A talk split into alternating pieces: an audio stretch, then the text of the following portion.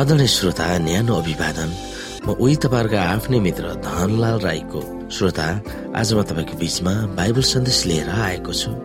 आजको बाइबल सन्देशको शीर्षक रहेको छ याकुबले उनका छोराहरूलाई आशिष दिन्छन्। श्रोता साथी याकुबले आफ्ना छोराहरूलाई आशिष दिन्छन्। त्यसको आत्मिक वा आध्यात्मिक महत्व के छ? हामी यहाँनिर उत्पत्ति उनपचास अध्यायको एकदेखि अठाइससम्म हेर्न सक्छौ। तब याकुबले आफ्ना छोराहरूलाई बोलाएर भने तिमीहरू यहाँ जम्मा हो। र पछिल्ला दिनहरूमा तिमीहरूमाथि के आइपर्नेछ सो म भनौला।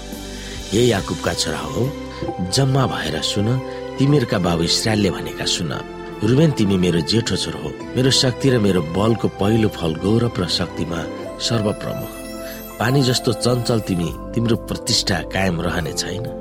किनभने तिम्रो बाबुको पलङमा तिमी चढ्यौ र त्यो अशुद्ध पार्यौ। तिमी मेरो ओछ्यानमा चढ्यौ। सिमियन र लेवी दाजुभाइ हुन्। तिनका तरबार नै पद्रका हतियार हुन्। हे मेरो प्राण तिमीहरूको सभामा नआइज। तिमीहरूको संगतिमा नलाग। किनकि आफ्नो रिसमा तिनीहरूले मानिसहरूलाई मारेका छन्। तिनीहरूले आफू खुसी गरेर गुरु गधाका ढडनासहरू काटेका छन्। तिनीहरूको रिसमाथि श्राप परोस् किनभने त्यो भयानक छ। र तिनीहरूका क्रोधमाथि किनकि त्यो निष्ठुर छ। तिनीहरूलाई म याकुबमा छिन्न भिन्न पार्नेछु। र इसरायलमा तितर बितर पार्नेछु। ए यहुदा तिम्रा दाजुभाइहरूले तिम्रो प्रशंसा गर्नेछन्।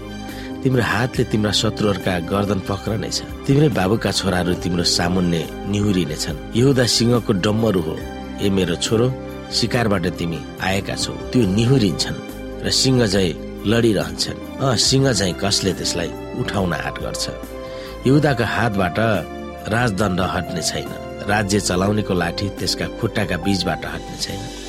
जबसम्म त्यसका मालिक आउँदैनन् र जातिहरू उहाँको आज्ञाकारी बन्नेछन् त्यसको गदालाई दाखको बोटमा र गधाको बछेडालाई चाहिँ उत्तम जातको हाँगामा बाँध्नेछ। त्यसले आफ्ना लुगाहरू दाखमदमा आफ्ना पोसाक अङ्गुरको रसमा धुनेछन्। त्यसका आँखा दाखमद भन्दा गाडा र त्यसका दाँत दुध भन्दा सेता हुनेछन्।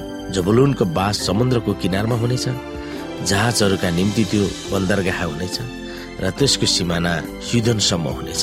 इसाखार बलियो गदा हो जो दुई भारीहरूका बीचमा लडिरहन्छन्। आफ्नो विश्रामको ठाउँ असल रहेछ र त्यसको देश रमाइलो रहेछ भन्ने त्यसले देखेपछि त्यसले भारी बोक्नलाई आफ्नो काँध झुकाउनेछ र बेगारीको काम गर्न मान्नेछ। इसरायलका कुल मध्येको एक भएर दानले आफ्ना मानिसहरूका निम्ति न्याय गर्नेछ।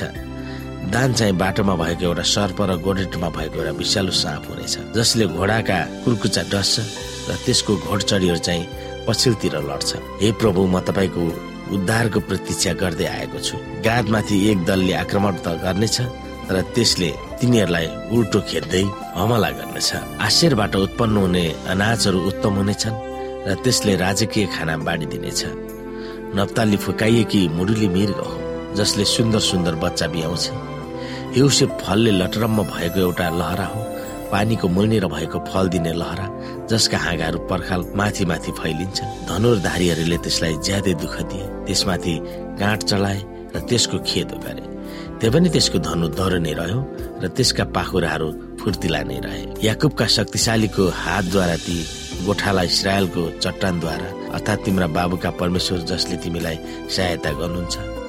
सर्वशक्तिमान जसले तिमीलाई आशिष दिनुहुन्छ माथि स्वर्गका आशिषहरू तल अघातका आशिषहरू स्तन र गर्भका आशिषहरू तिम्रा बाबुका आशीर्वाद प्राचीन पहाडहरूका आशीर्वाद भन्दा र अनन्त डाँडाहरूका आशीर्वाद भन्दा प्रबल छ। ती सबै योसेफको शिरमा हुन्। त्यसका दाजुभाइहरू मध्येका प्रधानको शिरैमा बेन्जामिन त बेन्जामिन त एउटा फहराउने पुवासो हो। बिहान चाहिँ ल्याएको शिकार त्यसले खान्छ बेलुकी चाहिँ त्यसले लुट बाँड्छ यी सबै इसरायलका बाह्र कुल हुन्। आफ्ना बाबुले तिनीहरूलाई आशीर्वाद दिँदै भनेको कुरा यही हो। प्रत्येकलाई तिनले सुहाउँदो आशीर्वाद दिए। श्रोता साथी इसरायली वंशको तत्कालीन इतिहासलाई लक्षित गरी भविष्यवाणीहरू याकुबले गरे तापनि उनले मसिएर उनले ल्याउने आखिरी मुक्तिका आशालाई उनले आँखा गाडेका थिए। अन्तिम वा पछिल्ला दिनहरू भनेर उनले सम्बोधन गर्दा मसिही राजाका आउने भविष्यवाणीलाई व्यक्त गरेका थिए। याकुबले एक एक गरेर आफ्ना छोराहरूलाई फरक फरक आशिषहरू दिन्छ। ती आशिषहरू तिनीहरूको पुरपुरो वा भाग्यमा लेखिएको भन्ने होइन। कतिपयले तिनीहरूको भविष्य परमेश्वरले अगावै निर्धारण गरिसकेका थिए भनेर विश्वास गर्छन् होला। तर उनका छोराहरूको चरित्र र तिनीहरूका सन्तानमा हुने चरित्रलाई उजागर गरेको कथनहरू थिए। उदाहरणमा कुनै निर्दोषी मानिसलाई कसैले मार्छ भन्ने कुरा परमेश्वरलाई थाहा हुन्छ। त्यसको अर्थ हत्यारालाई उहाँले नै परिचालन गर्नुभएको हुन्छ भन्ने कुरालाई मान्नु मनासिब होइन। हामीले उत्पत्ति उनपचास अध्यायको आठदेखि बाह्रलाई फेरि निहाल्न सक्छौँ। मानवको आत्मनिर्णयको स्वतन्त्रता र त्यसमाथि पनि परमेश्वरलाई भविष्यको ज्ञान छ। उहाँले नै यहुदाकै कुलबाट मसी आउने बन्दोबस्त गर्नुभएको थियो। यहुदा सिंहको प्रतीक हो। उनको साई खानदानकलाई सम्बोधन गर्दै याकुबले उनको तारिफ गर्छन्। यहुदाकै कुलबाट राजा दाउद आउने थियो। तर यहुदाकै खानदानबाट सिलोह आउनेछन् भनिएको छ। उहाँको साथमा सलम वा शान्ति ल्याउनेछन् भनिएको छ। उहाँले नै जातिहरूलाई उहाँको आज्ञाकारी बनाउनेछन्। यहुदीहरूले यसलाई मसिया आउनुहुने भविष्यवाणीको रूपमा युगौं युगदेखि आत्मसात गरिरहेका छन्। इसाईहरूले पनि यही पदले यसुलाई औल्याएको छ भनेर दावी गर्छन्। यही कथा नै नयाँ करारको प्रतिज्ञाको पूर्व सूचना हो भनेर मानिलिएको छ। फिलिपी दुई अध्यायको दस र एघारमा लेखिएको छ। स्वर्गमा पृथ्वीमाथि र पृथ्वीमुनि भएका हरेक प्राणीले यीशुको नाउँमा घोडा टेक्नुपर्छ र हरेक जिब्रोले परमेश्वर पिताका महिमाको निम्ति यीशु ख्रिस्टलाई प्रभु हो भनी स्वीकार गर्नुपर्छ। यस सन्दर्भमा दिदी एलेन्जी भाइटले लेख्छिन् यहुदालाई जंगलको राजा सिंह अर्थात् सिंहको प्रतीक भनेर कहलाइको उपयुक्त छ। यही वंशबाट राजा दाउद आएका थिए। दाउदको पुत्र सिलोह जो यशुको कुलको सत्य सिंह हुनुहुन्छ आखिरमा आएर सारा संसारका शक्ति र राष्ट्रहरू उहाँको सामु घुँडा टेकेर उहाँको श्रद्धा गर्न बाध्य हुनेछन्। अन्तिम श्रोता सारा राष्ट्रहरूले यसुलाई नमाने तापनि वा मान्नुभन्दा अगावै हामीले उहाँप्रति श्रद्धा देखाउनु पर्दछ।